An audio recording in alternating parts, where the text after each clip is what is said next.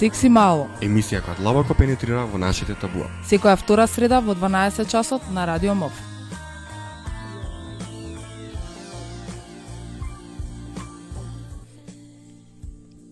Среда среќен ден, 28 ноември, 12 часот и 15 минути. Хера е повторно во Радио МОВ, во пријатна атмосфера и заедно со кафе направено од Були.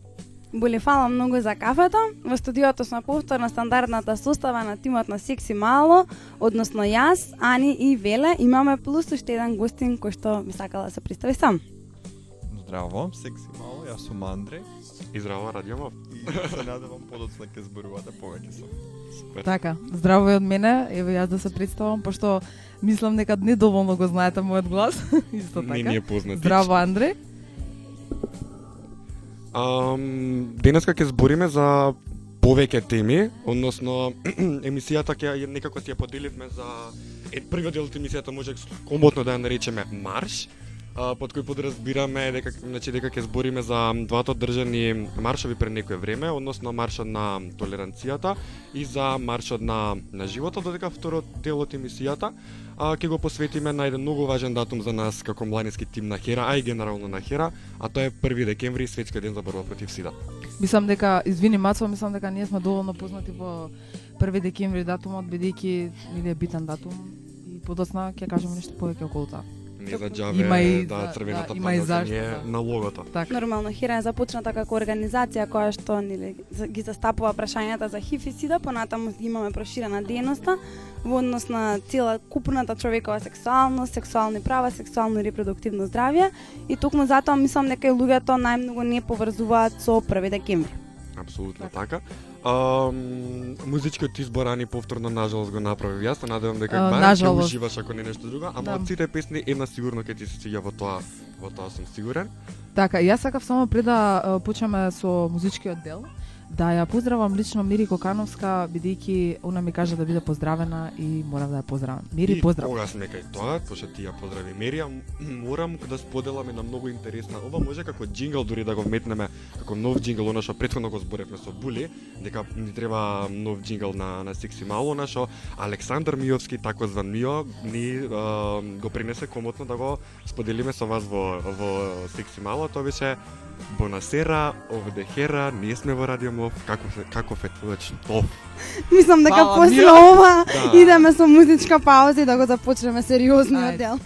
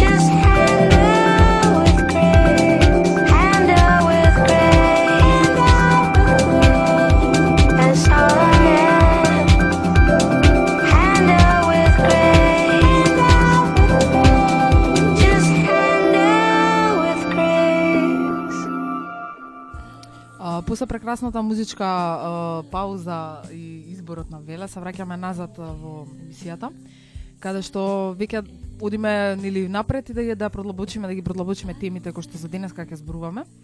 А, пред се би почнале со а, маршот на толер- толеранција, пардон, и маршот за живот. Нели двата марша кои што претходно се случија овој викенд и што го Не, не, не. не беа викенд, да, да, да. Чека, чека, чека, чека, чека, чека. Да, да, не би овој.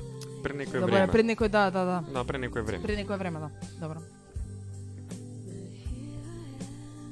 Може од почеток? Да. Пред некое време кажам. А, еве се враќаме назад ние повторно после музичкиот музичката пауза изборот на Беле. Ова, да, го кажа ко.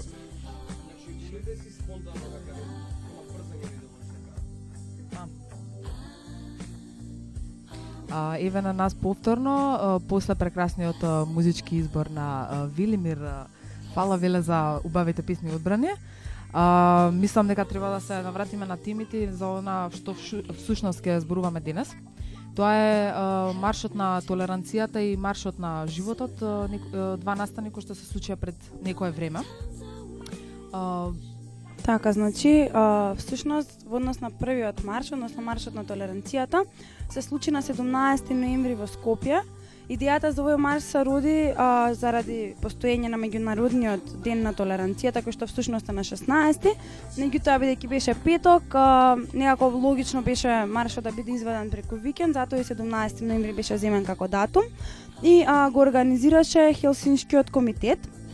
Значи, овогодишниот марш на толеранција беше насочен кон жените, кон трансродните личности и кон геј популацијата во Македонија, односно а овој марш имаше за цел да подигна свиста кај граѓаните дека не треба да постојат одредени фобии кон овие групи кои што јас ги споменав. Точно така, не за џабе и самиот самото мото на овогодинешниот марш кој ако не се лажам мислам дека беше четврти поред досега организиран, да беше нели против хомофобија, трансфобија и женофобија. Така, така беше, извини, насловот, нели, така звучеше насловот. Да, по помокно звучеше интересно и во секој случај мислам дека произлезе идејата токму а, идејата токму за овој марш беше а, конкретно и за сите оние ние а, мислам дека во една од претходните емисии, ако не слажам пред две емисии, кога ги критикувавме сите оние ставови и изјави на а, премиерот и на министерот за здрава нација, што ги што ги коментиравме токму идејата за овој марш произлезе за од конкретно тие изјави не за џабе е за потикнување за подигнување на свеста во однос на ЛГБТ популацијата и правата на жените. Мислам дека беа пренесени многу убави пораки од самиот марш Така некако многу настани, многу брзо се случуваат настани, не знам, да. Јас имам таква такво причество дека не знам прво се изјавите на министерот, на така министерот да, сите оние други изјави кои што попатно се случија, па оние изна- изјави после тоа што се случија, изјави настани, пардон. А, некако се се побрзано и добиваме една целина, страшна целина, која што Дефинитивно. нажалост се случи. Дефинитивно, не, нема гајле, значи целина која што мене лично воопшто не ми се доваѓа, бидејќи маршот конкретно за толеранција имаше за цел а, да ги подсети граѓаните на правото на живот, на правото на избор, правото да се биде различен, а, кај дел од луѓето верувам дека ова вроди со плод и ги подсети дека постојат такви права кои што во основа се основни човекови права, меѓутоа кај другите некако овој марш имаше негативистички пристап, негативистички беше прифатен, дури се случија и а, некои а, немили настани. Точно, ја она што сакам, да, ја она што сакам да го кажам во однос на а, на маршот. А, во секој случај се- секогаш ќе има некој кој погрешно ќе го протолкува нели а, самиот а, самиот марш. А, мене она што ми сметаше, ка- конкретно кај не она што ми сметаше кај самиот марш, туку она што ми сметаше што беше во околината. На самиот марш беше многобројното полициско а, обезбедување кое го сватив на два начини, тоа од една од еден од едно начин е со цел да се заштита нели луѓето кои што имаат да пренесат некаква а, порака, односно да да маршираат, и вториот начин беше оној барем ја така го сватив како притисок на некој начин од полицијата затоа што луѓето кои што беа на маршот, нивната бројка не беше а, огромна, значи бевме а, неколку стотини неколку стотина граѓани, кои дупло повеќе беше барем а, полиција, така да ја го почувствував тоа а, малце како а, Да се како даде притисок. погрешна порака Па, кон другите кои што не учествувале во Па во, во секој случај така и од она од она гледна точка дека а, некој а, предпоставам дека има дали да, тој некој е некој на функција или не, без разлика, поентата е дека а, не може некој што носи транспарент, што сака да пренесе некаква порака, да биде а, погрешно протолкуван, да биде а, поради тоа репресиран или да трпи некакви последици затоа што сака јавно да го произлезне своето мислење.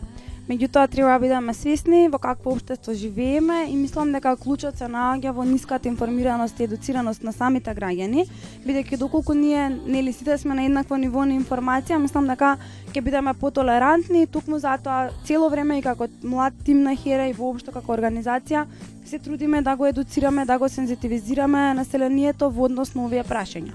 Исто така една од целите на овие на овој марш беше и конкретно да се подсетат институциите, не само граѓаните за постоење на законот за антидискриминација и за негова правилна имплементација во во реалност. Точно, односно да се Така. додаде хомосексуалноста како основа за дискриминација.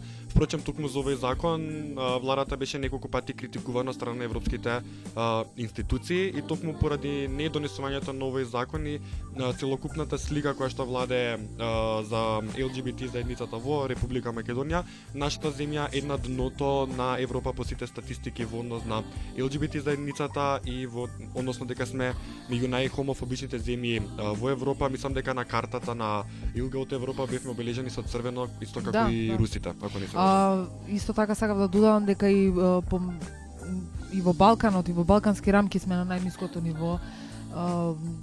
За разлика од една Србија, не знам, сега да не ги набројувам, небитно, се наоѓаме буквално на дното и во нашето општество, не знам. Мислам, свесни сме дека и во Србија се случува немили настани Така. околу цела ЛГБТ популација, меѓутоа сепак ако ништо друго имаат ЛГБТ павови какви че нешто што кај нас уште као мисловна именка можам да коментирам. Да, мислам дека треба да го сокнеме више делот со сите оние негативности кои произлегоа, сите ги мислам преку јавните медиуми бевме информирани што све се случуваше, но уште еднаш ја би сакал да истакнам она позитивна порака која а, сакаше самиот марш да ја испратија беше погрешно протолкуван и се знаеме како тоа започна, е основно значи почитување на човековите права, на унапредување на женските на женските права и а, оборење против сите а, форми на на фобија.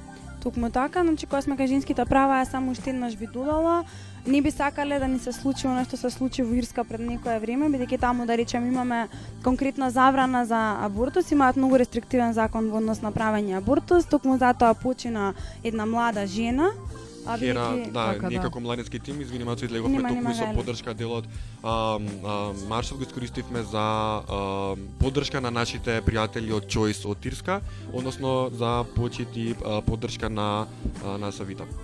Токму така, имаше немили настани секако во однос на маршот, меѓутоа мислам дека сепак една а, соодветна порака беше испратена до јавноста. Се надевам дека јавноста ќе ја прифати, ќе почне да размислува во на- оваа насока, ако ништо друго ќе почне да бара информации, да се едуцира, да се информира за што всушност станува збор. Чисто извинјани само на, да, А, да го говори, кажам, да, да, спомнавме да. неколку пати Choice и а, односно Ирска и Савита.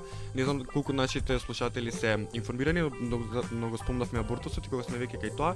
Чисто да напомена, Маца кажа дека а, во Ирска постои многу рестриктивен закон за абортус и она што се случи и што на секаде во светот пред ирските амбасади во главни градови на земјите каде што има ирска амбасада се случуваат протести секаде ширум светот а, затоа што а, Савита, како што кажам, Маца беше млада девојка која во а, сега да не, не ми текнува точно која недела од бременост, мислам дека беше 17, ако не се лажам, а, добила спонтан абортус, но токму поради рестриктивниот закон за абортус, она не нормално а, отишла во клиника за да подлежи на медицински интервенции, но затоа што лекарите увиделе дека има а, се уште постои срцева акција и било одбиено, значи не е бил направен абортус, после која работите после која работите се комплицираат, она добива сепса и нажалост починува и против а, токму поради оваа постапка на секаде ни светот се а, одржуваат масовни протести. Така, ам, јас мислам дека можеме да направиме кратка пауза. Може. Да да слушнеме- кратки, Да, да, Така, ама да слушнеме уште една-две музички numeri и се враќаме повторно назад со коментирање на маршот на живот. Ајде. Um, I've noticed you around. I find you very attractive. I've noticed you around. Um, find you very attractive.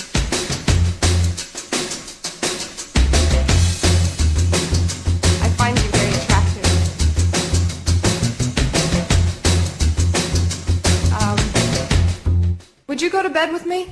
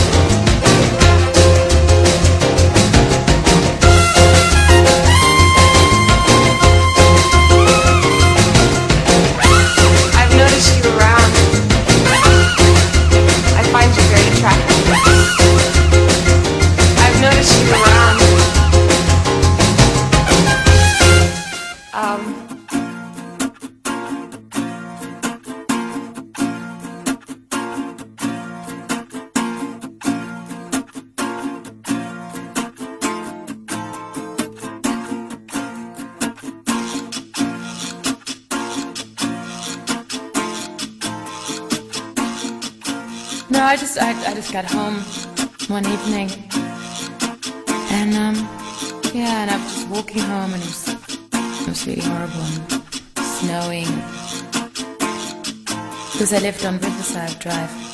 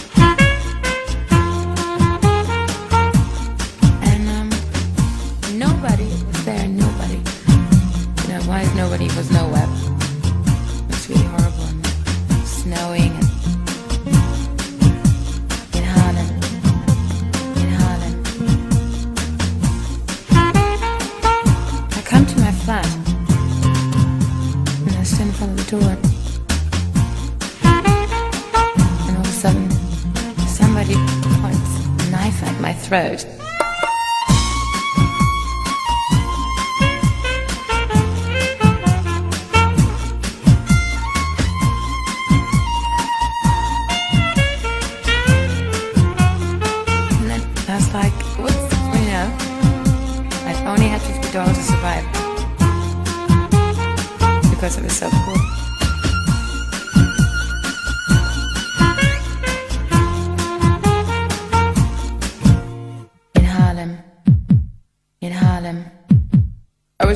like thinking about my fifty dollars all I had to survive in Harlem.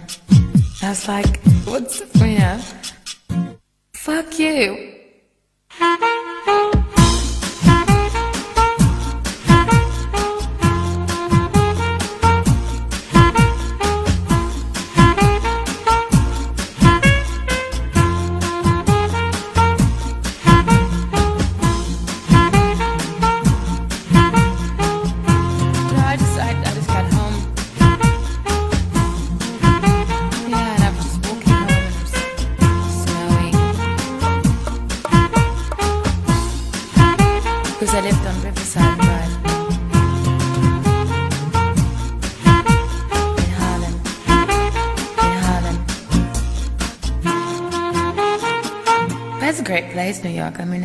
Muffins and bagels in the world. А, некако јас го добив тоа денеска да ги воведувам темите денес и да правам вовед во новиот блог. А, она што пред да на телевизија, не да, па да, да, те да, видиме така, тука. така, да. А, она што пред да продолжиме да зборуваме пошто ќе зборуваме дутре и нема да правиме пауза. А, темата ни беше маршот на толеранција, не- нели маршот на живот подоцна. Што она што сакав да го додадам е дека по помод на овој меѓународен ден на толер- толеранција, секако Младинскиот образовен форум даде поддршка и почит кон овој ден со тоа што направи И еден придонес, да. Да, и свој придонес, да, што направи еден убав, фин, интересен настан под диско за толеранција, под своето лого Игра и толерирај. Настанот се одржа нели на поставот на Македонија во рамките нели на овој марш, секако од Хелски, Хелсинскиот комитет за човекови права. И идејата беше она нели првичната да се спрати порака и желба за да се надминат сите дискриминации во нашето општество и промовирање на почита на сите групи во нашето општество секако. Искрено, ја бев дел од Silent Диското, бидејќи беше Silent забава. Да. Значи си имаше и Миле беше, уште многу луѓе од нашата младинска група. Значи беше супер настан, фала мов што ни овозможивте да танцуваме на на площад и да испратиме порака до Така, јавноста. да. И да не сметаме на комшиите И да не околу. сме така, да, да, да. А, нели Селен Диско знаат сите познато дека се танцува под слушалки, Да. баш да не им сметаат Јас си со знаиграв си- на R&B, на пример, така да. Нешто друго, меѓутоа играв. да. Со таа цел мислам дека не знам барем во медиумите оние кои што ги, го пренесува во настан се доби на слика дека не знам треба да да се не знам да се почитува, да се толерира и слично за овој прекрасен настан на би рекла.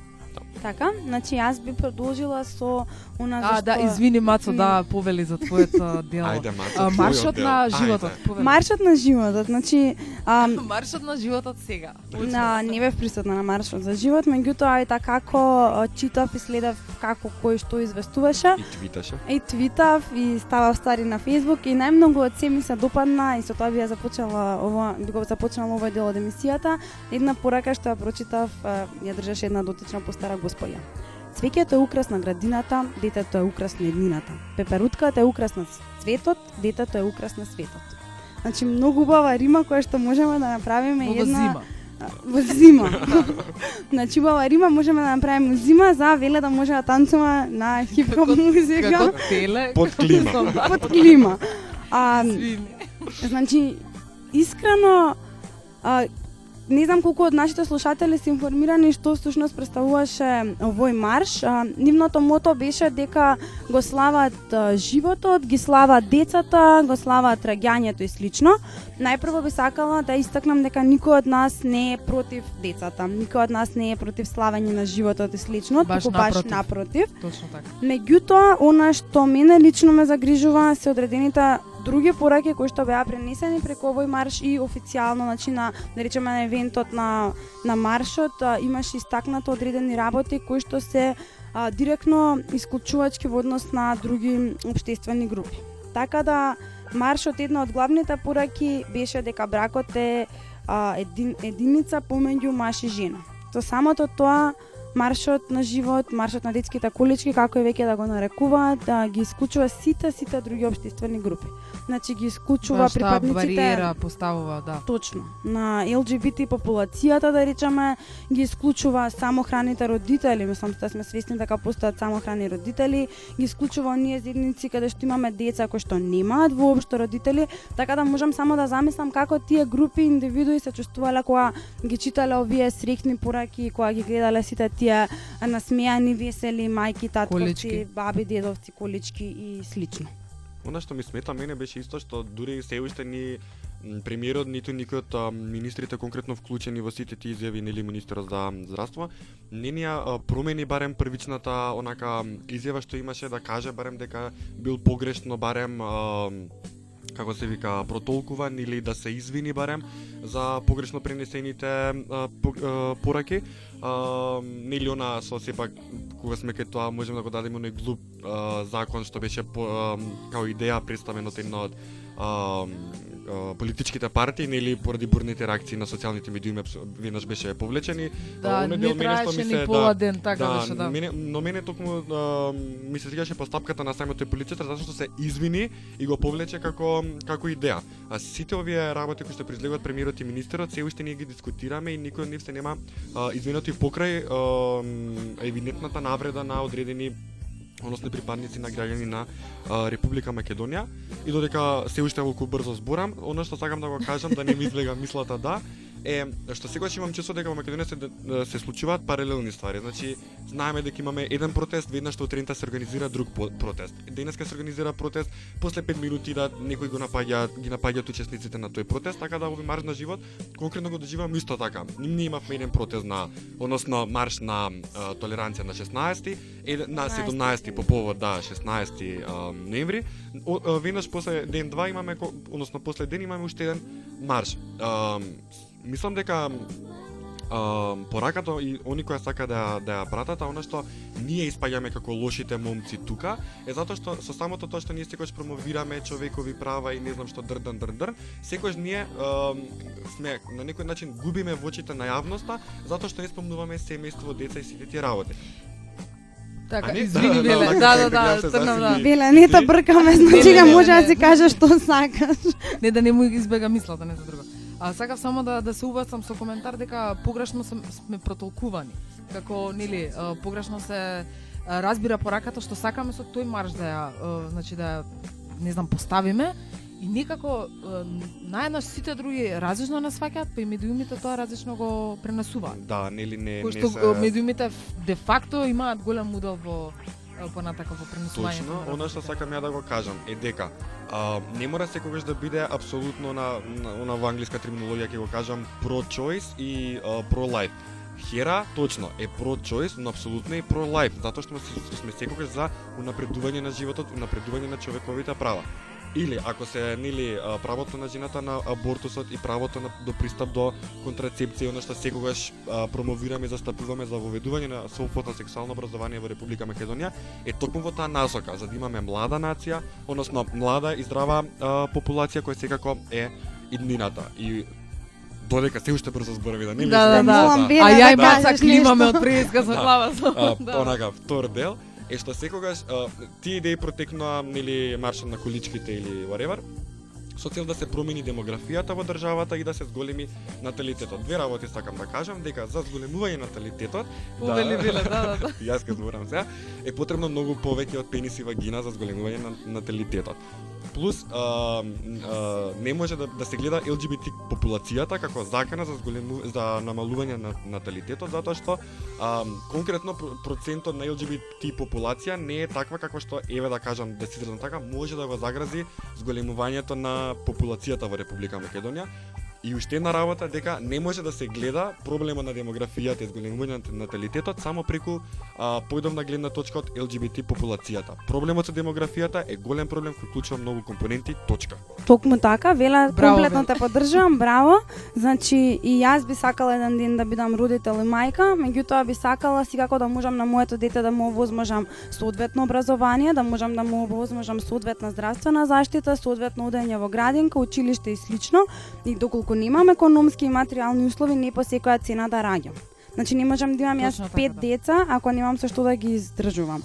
А мене Тоа она што ме тангира, да, пратени тоа сакав да кажам дека од а, неколку а, родители слушнав изјави по различни медиуми. Значи тие беа сите фокусирани, значи можам да цитирам неколку. Значи околу тоа дека родителите дојдени сме тука да се дружиме да се забавуваме. Иднината е во децата, секој трима, треба да има понајмалку две деца. Целта е да имаме повеќе деца. Значи тоа беа пораки кои што ги спраќа родители кои што беа дел од овој марш. Се разбира дека иднината е во младината и во децата, меѓутоа тоа е поентата на Веле што е истакнува низ цела целиот овој блок. Значи да имаме иднина која што ќе може да има возможиме преку сите останати обштествени мерки. Значи не е поентата само раге, раге, раге, раге, раге и. Точно и она Точно баш така, буквално да. тогаш и самите жени ќе се сведат на а, да кажам на само објекти кои би биле а, да служат за само за деца, раѓање, така, да, да. машини буквално за деца, односно да се гледа а, она што и буквално и убаво го напишавме на нашите транспаренти дека жена не е еднаква на на матка. Точно така, морам само да се вмешам во маветов дека покрај изјавите на родителите кои што нели ги, ги дале, дури фатив на телевизија дека имаше присутни на на овој марш кои што стварно не знаеа зашто сте дојдени.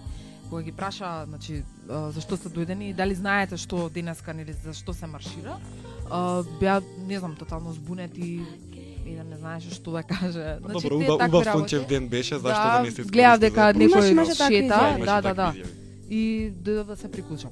Да. А, исто така, она што мене ме заинтригира и ми падна во очи е дека на маршот на чело беше отец Ивица Тодоров. А, јас немам против тоа верската заедница Апсолутно, православна да. како да се вика да се вклучува во ваквите маршови протести. Меѓутоа би сакала само да ја цитирам неговата изјава, можеме да кажеме збор 2 и да направиме пауза бидејќи се утепавме од зборување, посебно вела. Значи ќе ја прочитам изјавата сега. Една од суштинската важност на семејната вредност е раѓање и благословено воспитување на децата.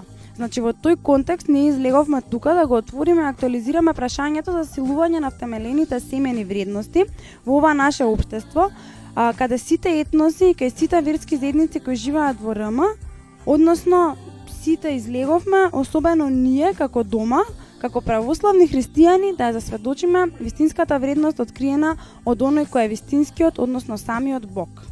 Значи тоа е изјавата која што ја даде Отецот а, со тоа што повторно иако он вика сите треба да излеземе, сите треба да бидеме присутни, пак а, истакнува дека најмногу треба православните христијани да, се борат да раѓаат деца и слично нешто Позади што отецот така, стои да. МПЦ, да не, мене, да не забораваме. мене апсолутно ми смета бидејќи повторно станува збор за ексклузивно право на одредена групација во општеството и повторно значи се запрашувам дали е во ред вакви изјави да бидат официјални на официјални изјави на еден протест каде што а, протест се одржува во секуларна правна држава. И оној момент кога МПЦ секогаш тука да поддржи а, очигледно некои владини мерки, барем од моја лична перспектива тоа секогаш се случува и се најде се зема за право да коментира во принцип а, све и свашта, но не беше тука да го критикувате конкретно тепањето што се случи на, на по повод денот на толеранцијата.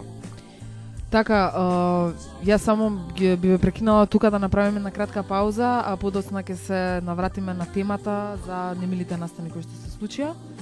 И веле твојата музика. Да, ќе- мислам дека сега треба да одиме со Massive Attack и Telepop Music, така да Така. ајде.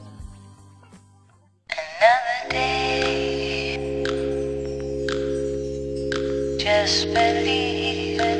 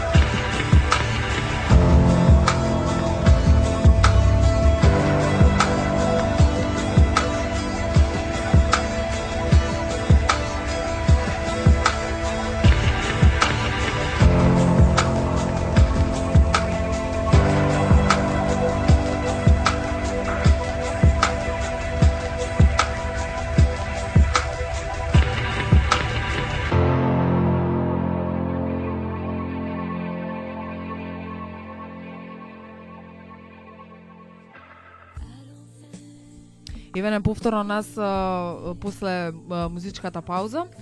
А, она што претходно го најавив а, за немилите настани или сам, а, само кратко да да напоменам и да кажам а, за нападот кој што се случи врз двајца активисти токму на овој марш.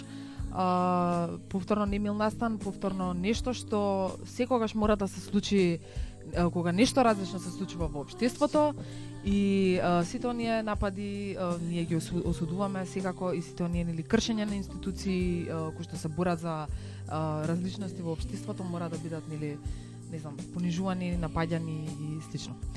А, да не се задржуваме повторно на оваа тема, ја мислам дека може да одиме на за 1 декември, што поточно Добро што немаше трет марш во држава, пошто кај не беше крајот. крајот, со да, немаше да имаме да. крај.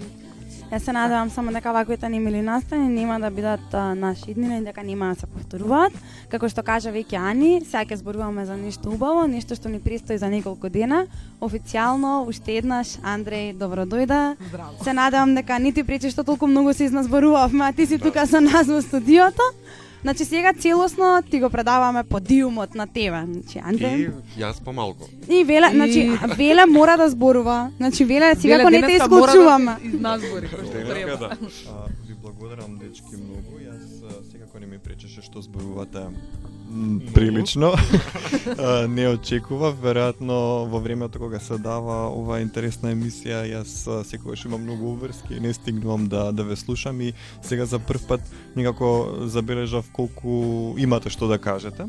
Така што баш ми беше чест да ве да ве слушам додека сум овде во студиото. А, па сега јас ќе ви оставам на вас да ми поставите прашања. Да, еве конкретно. Така иде, да, да, Еве да. јас нели? Еве, да, Веле, ајде, те добро, молам, пусти. поставувај ги прашањата. Да, прашањата.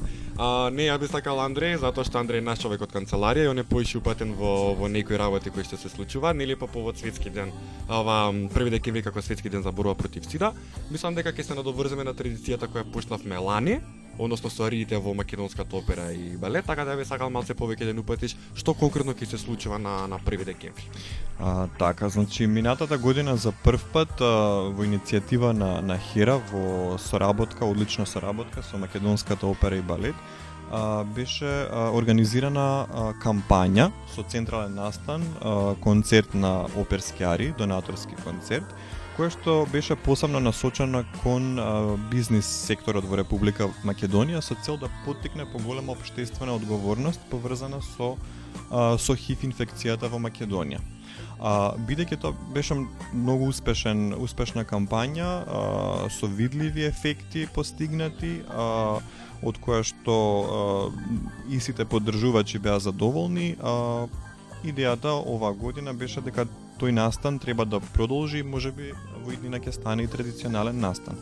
Но она што е ново оваа година тоа е дека а, овој пат а, во најголемиот дел од организацијата всушност е предводен од заедно посилни групата за поддршка на луѓето што живеат со ХИВ, која што функционира како автономно тело во рамките на а, на здружението а, Хера а, и во чие што име јас а, сега зборувам. Така што, а, значи, она што е значајно е дека за, за прв пат, веројатно, еден а, настан од а, вакви размери, размери што во нашата држава и не се така мали, се значајни, доаѓа од самата заедница на а, луѓето што се најзасегнати од а, ХИВ.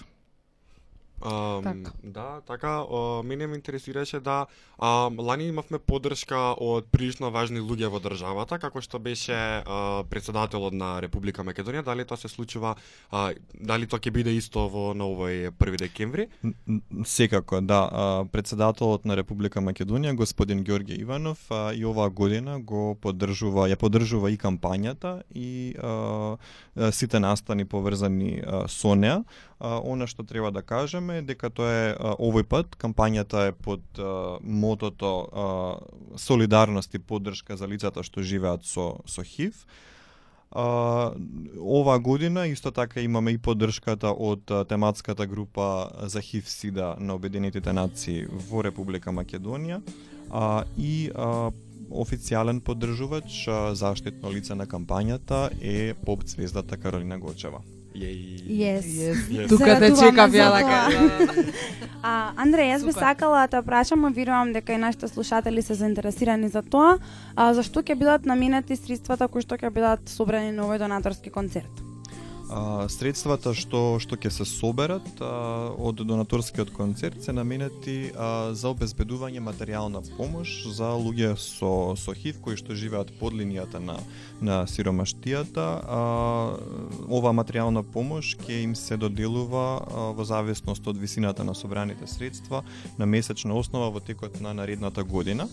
А, ние исто така оставаме и една резерва и тоа транспарентно го кажуваме до секој што сака да да донира со купување билети. А, за концертот на Оперскјари, а, значи кажуваме и дека а, средствата а, доколку се појави некаква ургентна потреба за одредена здравствена необходна здравствена а, услуга за било кое лице со ХИВ, а, која што моментално не е достапна во, во рамките на здравствениот систем во, во Република Македонија, значи дел од овие средства може да се искористи и за таква намена. Со тоа целта е да се а, подобри квалитетот на, на живот а, на луѓето со ХИВ во Македонија. Тоа а, во однос на средствата.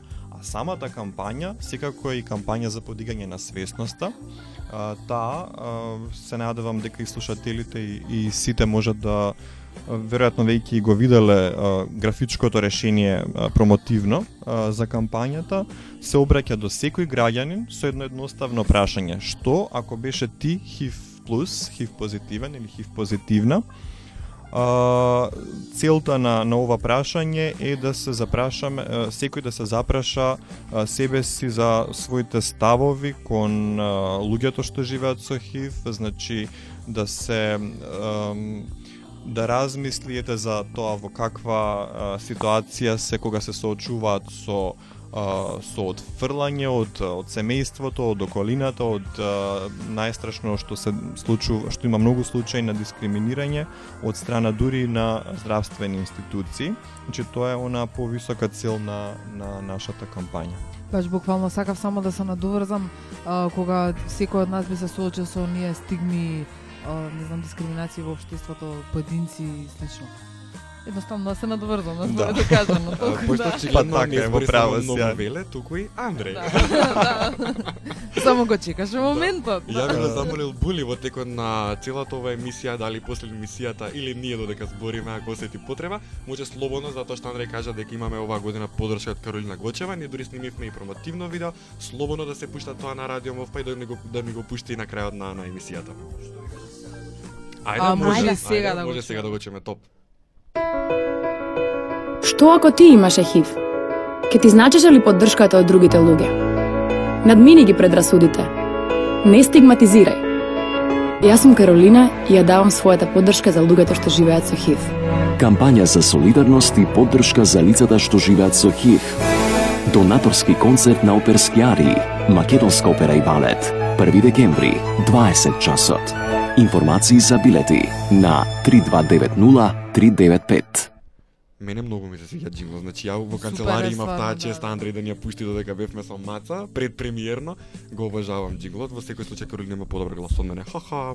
Секако големо Секако фала до да. Каролина, мислам дека. Така, Да, е, ба, се да. заблагодари Големо мене. фала до Каролина, да. што ја поддржува целата кампања нели ние ќе случувањето. напишеме на Facebook сите. Да. Така да. Се разбира и, и луѓето што живеат со ХИВ а, и членовите на групата заедно поселни особено Да. благодарни за оваа јавна поддршка и а, и на Каролина и на председателот Георги Иванов се разбира.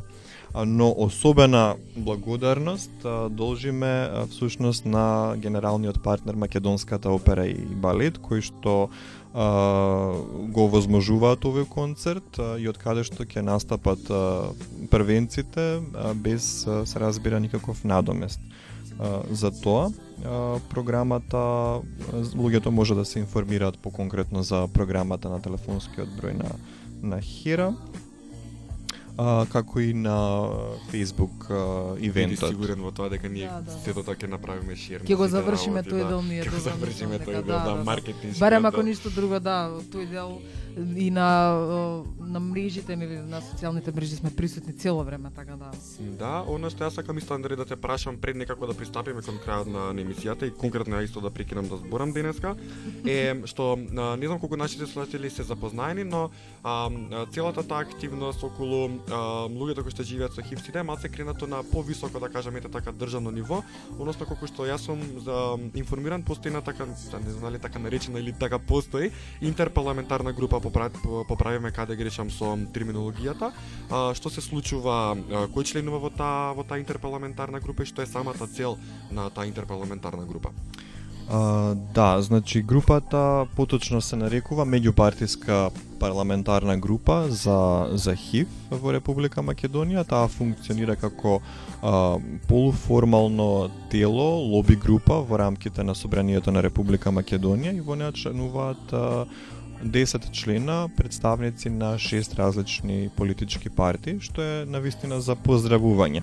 А, ова иницијатива започна во а, април, мај оваа година а, и веќе а, утре на 29 а, ноември а, е закажана собраниска а, расправа во рамките на Комисијата за еднакви можности а, и Комисијата за здравство посветена токму на а, третманот, грижата и поддршката за лицата што живеат со ХИВ во Република Македонија. Тоа е еден, ед, една од првите а, вака повидни активности на а, меѓупартиската група за за ХИВ во земјава, инаку вакви групи постојат а, во цела а, во повеќе земји во светот, но секако и во скоро сите земји во Европа. А, нашата меѓупартиска група со своето формирање во мај оваа година и стана членка на таа меѓународна мрежа на а, меѓупартиски групи во во парламентите низ Европа. Честитки, браво за нас. Супер, така. И за вас. да, да, да. Пред се мислам дека е, она што ќе се случува следните денови, тоест веќе на 1 декември ќе помине пред се во најдобар ред, супер дека ќе се одржи е, целиот концерт и Мора да биде супер, ние го организираме, Секако, значи, да, да, да. И дека ќе бидеме присутни Да. сите и така дека убаво ќе си поминеме. Значи уште еден апел до сите наши слушатели кои што се заинтересирани за купување на билет, може да се јават во нашата канцеларија, значи во канцеларијата на на Хера, да се информираат за што по-конкретно ќе се случува, а, колку пари чини билетот да и се тоа. Значи нашиот број е 3290 Така да слободно јавете се, прашате каде може да се купат билетите и се она што ве интересира во однос на 1 декември, во однос на информации за сексуално репродуктивно здравје на луѓето кои што живеат со ХИВ, општо за ХИВ, слободно контактирајте на, прашувајте, не се срамете.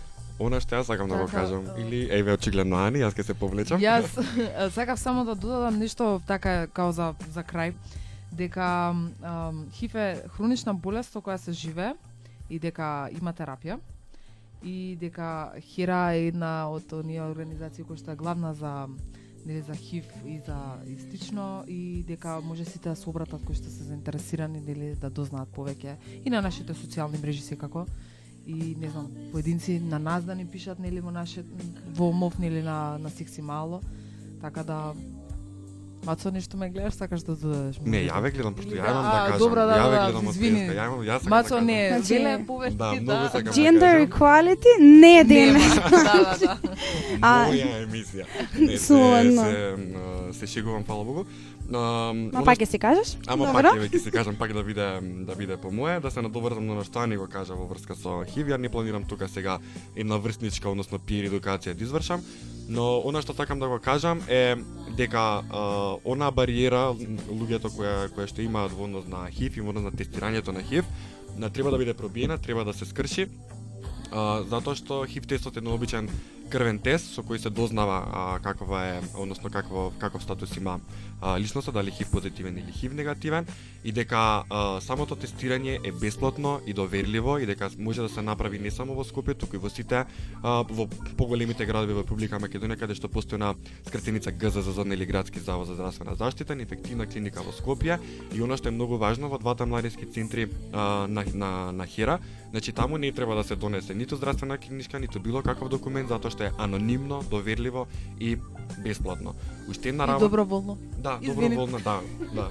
Ако смеам. Да, И ако јас- смеам. На брзина. И Ајде. јас би додал само уште зошто е значајно хив тестирањето затоа што со навремено откривање на, на инфекцијата луѓето можат и навреме да пристапат а, кон терапија што возможува долг, квалитетен, успешен, продуктивен, нормален живот. После ова Така. мислам дека никој од нас нема понатамошен коментар. За крај на емисијата јас би сакала да кажам. Ајде, ќе те погледам дискретно. Да, се зафркувам. Благодарам, Велимир Савески. А, за крај на емисијата јас би сакала да кажам едно големо фала, Андреј, што беше тука присутен со нас, Фала. што припати јас. нашата покана. Ајде, Веле, кажи фала, Андреј. Фала, Андреј. Фала заедно посилно исто така. Да, Како да. фала заедно посебно. Леле, са свеќе кажам што ќе покажете, вие ќе повторам, леле. Од мене чао. А, фала уште еднаш на Радио Мов а, што ни овозможи да да направиме уште една успешна емисија. А, фала до а, Македонска опера и балет за сочувањето, фала до Хира, фала, фала, фала Були, фала. Да, Фала, чао. и јас само да си го представам наредниот мој музички избор. Значи денеска оваа долга и црпувачка напорна емисија ќе завршиме со Зуко 103 и Ани чисто ради тебе клуб Дезбе Лугас. Ау, Чао, thank you луѓе. very much. Чао.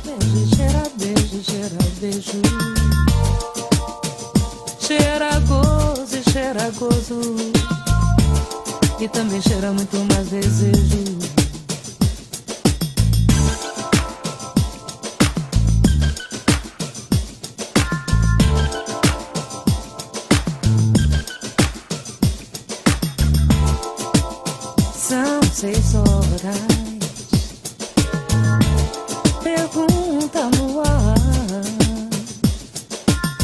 Aonde andas agora? Se vai voltar ou se fica lá? Cheira álcool e cheira beijo, cheira beijo, cheira beijo, cheira beijo. Cheira gozo e cheira gozo, e cheira gozo, e cheira gozo, e cheira muito, muito mais desejo. Onde é que anda? Essa gola de ouro que você prometeu, prometeu, prometeu. Você não me contou do lado, esse teu lado, esse teu lado que é tapado. Você não me contou do lado, esse teu lado que é tapado. Você não me contou do lado, esse teu lado de onde vem. Você não me contou do lado, esse teu lado que é tapado. Você não me contou do lado, esse teu lado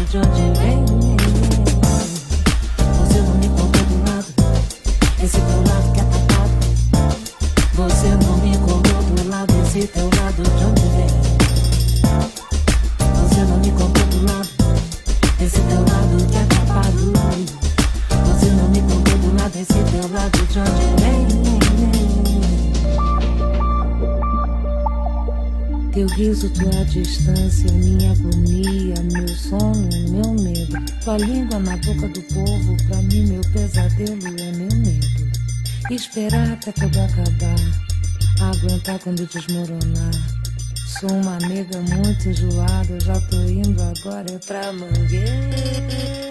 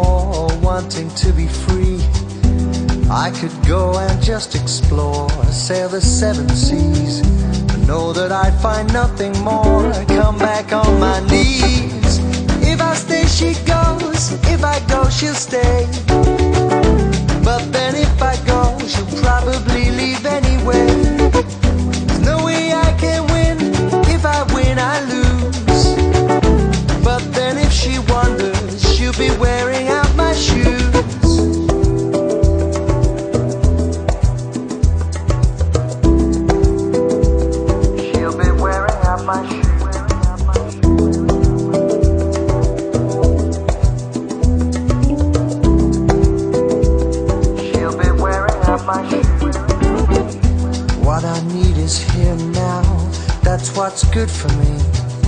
Keep me always guessing, call me unexpectedly. Like the fire warm inside, blowing from within. Together now we could go far, together traveling.